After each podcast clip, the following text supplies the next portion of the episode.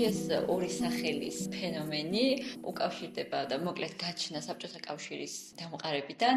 როგორც ვიცით, საბჭოთა კავშირის ეს ათეისტური ან ანტირელიგიური და განსაკუთრებით ეს ანტიისლამური დამოკიდებულების ერთგვარი გამოხატულებაც იყო. და რას გულისხმობდა ხომ ეს მოკლედ ახალდაბადებულ ბავშვებს და ზოგადად აი ზრდასრულებსაც პასპორტიზაციის გატარების დროს აღარ აძლევდნენ უფლებას ქონოდათ ძველი სახელები, რომელიც რაიმეთი უკავშირდებოდა ისლამს, რაღაც რელიგიური კონოტაცია ჰქონდა სახელს, ან შეიძლება ნეიტრალური იყო რელიგიური თვალსაზრისით, მაგრამ შეიძლება თურქული, არაბული ძირი ჰქონოდა და ასე შემდეგ რა. მე როგორც ვიცი, აი ამ საბჭოს, რომელიც ატარებდა სახელებს, მოკლედ ახალშობილი ბავშვებს, ჰქონდა დიდი სია. და ეს რაღაც ჩამოწერილი ჰქონდათ ის ნებადართული სახელები, რომელთაგანაც მშობლებს შეეძლოთ აირჩიათ. და ესეთ მივიდოდნენ მაგალითად თავიანთი სახელებით, გადაამოწმებდნენ თუ ჯდებოდა აი ამ სახელების პროტოკოლში და თუ არ შევიდა აი ამ საბჭოს ტიპს, ვინც ატარებდა, შეეძლოთ თავად გადაეწყვიტა რა თქმა უნდა, მაგალითად ესენი თუ ეტყოდნენ რა, მაგალითად გვინდა ერქვას ემინე, ფატი, ალი, მუჰამედი, ცოტა ისეთ სახელები, რომელიც ამათვის ან ისლამთან ასოცირდებოდა, ან რაღაც საკმარისად მოდერნული არ იყო საბჭოთა კავშირის მოდერნული პროექტისთვის, შეიძლება თქვა თუ არის უიმე ეგ სახელი არ მოგწონს და რაღაც თვითონ მოეფიქრებინეთ გურამი, გივი, ოთარი, მაროშოთა და ასე შემდეგ. აი ესეთი სახელები. ამან რაღაცნაირად გამოიწვია ისიც, რომ ისლამი გადაიქცა საბჭოთა კავშირში სახლის რელიგიად, უფრო ღამის რელიგიად, რომლის პრაქტიკებით უფრო ჭრდილში, ეს ჩაბნელებულ ოთახებში უნდა განხორციელებული იყო. ფაქტობრივად ეს სახელები, რომელიც მათი ნამდვილი დაარსებითი იდენტობა იყო, გახდა სახლის, ანუ ძალიან პრივატულ წრეწრეში გადაინაცვლა, მაგრამ ანუ არ დაუკარგავს ამ სახელებს მნიშვნელობა, სახლში ფაქტობრივად ამ ადამიანებს ეძახდნენ სახლის მუსლიმურ სახლებში. საინტერესო მე რა იდენტობა ჰქონდათ ამ ბავშვებს, რომლებიც აი შეიძლება სკოლაში მისვლამდე არც კი შეცოდნოდათ, რომ რაღაც პასპორტის სულ სხვა სახელი ჰქონდათ და ხშირად სწორედ სკოლაში აღმოაჩენენ ხოლმე, იმიტომ რომ ეს მასშტაბლებლებიც, როგორც ეს სკოლა, მოდერნულობის ეს თავი პირველი კერა, იქ ყოველთვის აი ამ პასპორტის სახელით მიმართავდნენ. ანუ მე საგანმანათლებლო სივრცეში ესე იყო, ნუ მთელი სკოლის პერიოდში მე თუ აგრძელებდნენ სწავლას უმაღლეს თუ პროფესიულ სასწავლებლებში, მე როგორც მსმენი ესე ჩემი ბაბუებისგან და რაღაც მათი ძმებისგან, რომ იქაც არ დამდგარა იმის საჭიროება, რომ ამათ ეს მათი ნამდვილი სახელი ეთქვათ და მიიყვნენ პასპორტის სახელები ჰქონდათ იქაც. და არც კი გაუმხელიათ, არც კი გაუმშღავნებიათ, იმიტომ რომ საჭიროება არც კი დასდგომიათ მაგისი. მაგალითად, ბებიაჩემის სახლის სახელი სუნდუსა, ხოლო პასპორტის სახელი მარო და სულ ვეკითხები, რომ შენ თავს რა გრძნობ, ანუ უფრო მეტად სუნდუსა ხარ თუ მარო ხარ? ამას რა ვეკითხები, ის ამას რომ ის თან არსებითად არის სუნდუსა, იმიტომ რომ ეს სახელი მას დაარქვა თავის მამამ, თავს გრძნ გრძნობს სუნდუსად. მაგრამ აი სკოლაში მე უკვე როცა დაოჯახთა მაგალითად ბაბუაჩემის ისეთ სეკულარული ნათესავი ეძახდნენ მაროს მაგალითად და ეს რაღაც გამყოფი ხაზი ჰქონდა. თითქოს კულტურულ გარემოში რომ იყარი. მიჯნავდა სეკულარულ არამუსლიმურ გარემოს სადაც ძველი კლერიკალური ტიპები აღარ იყვნენ. იქ იყო მარო არასეკულარულ მუსლიმებში ის იყო სუნდუსა და თავს ის გრძნობს ამათ ანუ ეს მე მგონი ძალიან მნიშვნელოვანი. ეს სახელები რომელიც ეს ძველი სახელები უფრო სახლის სახელები რომლებიც იყო არის უფრო რაღაცა შეიძლება არაბული ძირები ჰქონდა შეიძლება თურქული ანუ ოსმალური სახელები იყოს. ყოველ შემთხვევაში მე მგონი ესეთ დაპირისპირება არ არის ქართულია თუ არა ქართული უბრალოდ მე მგონი ეს მოდერნულობა არამოდერნულობის პარადიგმაში უფრო იყო. მაგალითად ერთი სახელი არის იუსუფი ყურანში მოხსენებული მოგეთ ძალიან ცნობილი სახელი იუსუფი მოკლედ იუსუფს არ გაატარებდნენ, მაგრამ შეეძლოთ გაეტარებინათ იოსები.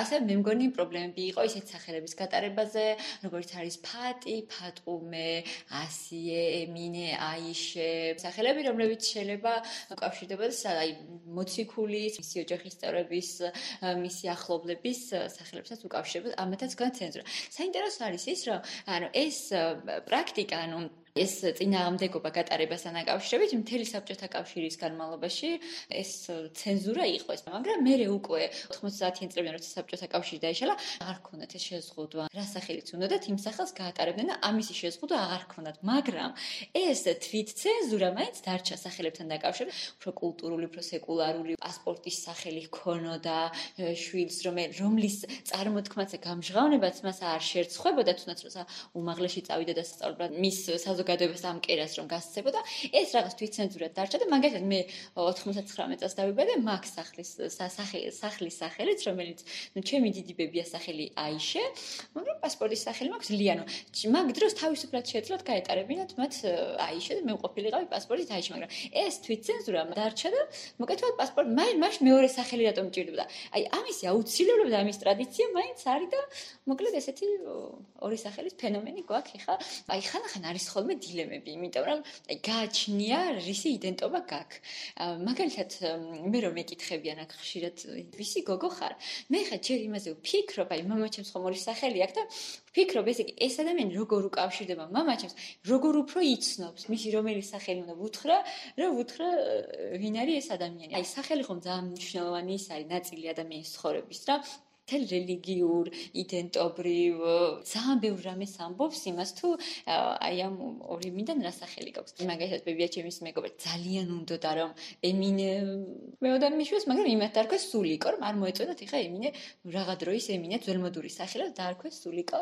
ნუ ესეთი ძალიან ბევრი გამოცდილებები არის, მაგრამ რომ შევაჯამოთ საბოლოოდ, ეს იყო ის რომ ეს სახელები იყო რაღაც ძველი, ყველაფერი რაც უკავშირდება რაღაც ამ ძველ ყოფას, მაგასთან ბრძოლის სახელით იყო ერთის ხრო ჩემი აზრით და მეორე ხრო მაქსიმალური წნეხი, დამალვა, წაშლა საერთოდ ისლამური კვალის ამ საზოგადოებას რომ ერთის ხრო ვით იყო გამოწვლის განსაკუთრებული ანტიისლამური წნეხი, მაგალითად თურქეთთან და სასაზღვრო ზოლთან სიახლოვის გამოც განსაკუთრებული ის იყო კონტროლი აქვს და მეორე ხრო სირცხვილის შეგრძნება რომ დაენერგათ ამ სახელების მიმართ. ცოტა ის იყო აი მაგ სახელის გამჟღავნება რა ითვლებოდა ძველმოდურად არაცივილურად და რაღაც გამბედაობაც სჭირდებოდა რომ ეს სახელი დაეძახათ შენს. ასე რომ მარტო სახელის გატარებაზე არ დადის იმისი თქმა მინდა რომ უფრო ღრმა საკითხია. რეალურად დიდი საბჭოთა მანქანა რას ცდილობდა? იდენტობრივად რად უნდა გარდაექმნა ეს მოსახლეობა და ჩემი აზრით სახელდება არის ყველაზე მნიშვნელოვანი ამისთვის აი სახელი ძალიან ბევრს ამბობს და მე მგონი ეს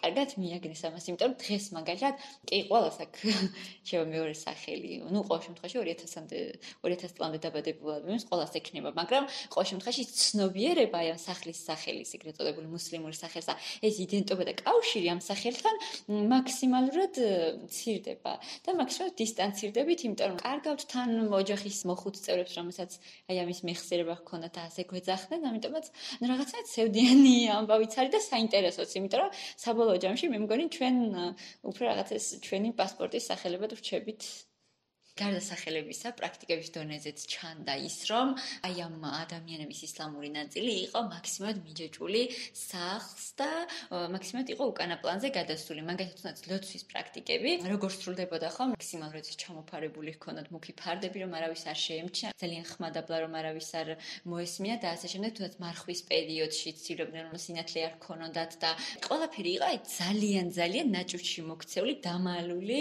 ესე ვთქვათ, ჩაპრესილი. ხშირად ეს ადამიანი თუნდაც ჩემი ბებია ბაბუა და აი მათი მშობლებიც მართლა ორი ცხოვრება ჰქონდათ ეხა კარგად რომ დავაკვირდეთ იმიტომ რომ ხიად კოლ მეურნეობებში სკოლაშიც იყო ეს პრაქტიკები მაგალითად მარხვის დროს მათ დემონსტრაციულად თავაზობდნენ წყალს და მოკლედ ესენი სვამდნენ ამ წყალს ანუ იძულებული იყვნენ ანუ ამით კი არ წყლებოდა მათი მარხვა მაგრამ იმისი თქმა მინდა რომ საჯაროდ და აშკარად ფაქტობრივად ჩანდა ის რომ ესენი არ მარხულობდნენ ხო? მაგრამ უმათთა სახლი მარხულობდნენ. ორმაგი ცხოვრება ერთ ეს სეკულარული სამოქალაქო და მეორე რელიგიური და იდენტობრივი ცხოვრება ყველგან ჩანდა. აი ამ პატარა პრაქტიკების დონეზე თუნდაც ეს მიცვალებული ლოცვები, რომ მათაც აკითხვაც არ იყო ნებადართული. პარასკევის ლოცვები აღარ იმართებოდა და ზოგადად აი მარხვის პერიოდში შესაძლებელი სპეციალური როცა თარავით, მოკლედ ესეც რომელიც რაღაცა ტრადიცია ესეთია, რომ ან მეჩეთში უნდა ილოცან თუ სახლში ლოცვა ყველა ერთად შეიკრიბოს მეზობლები, მეგობრები და ერთად შეასრულონ, რა თქმა უნდა, ეს პრაქტიკები აღარ იყო რა. ორმაგი ცხოვრება ჰქონდათ, რომლის ყველაზე ქვედა შრეში, ყველაზე დამალულ ფენაში ჰქონდათ ეს საგულდაგულოდ შენახული ისლამი. ცირთად მე მგონი ბებია ბაბუა უფრო აქტიურად არ ქმნიდნენ და ეძახდნენ აი ამ სახლის სახელებს. აი ჩემს ოჯახში ცირთად დიდი ბებია ბაბუა და ჩემი ბებია ბაბუა იყვნენ და არიან ის ადამიანები, რომლებიც რომელსაც საერთოდ აი ამისი მეხსიერება აქვს, რომ მე სახელი მქვია, იმიტომ რომ ჩემი მშობლებისგან მაგალითად არასდროს არ გამიგერო მე სახელი დაეძახათ და არც ანუ სახელდებაშიც არიღებდნენ ისინი მონაწილეობას. მე მგონი ეს გავრცელებული პრაქტიკა იყო, რომ ბებია ბაბუის პრეროგატივა იყო ამ სახელის შერჩევა, რომელიც შეიძლება დაკავშირებული ყოფილიყო მაგ მაგალითად იმ თვის თვარის კალენდრის სახელთან.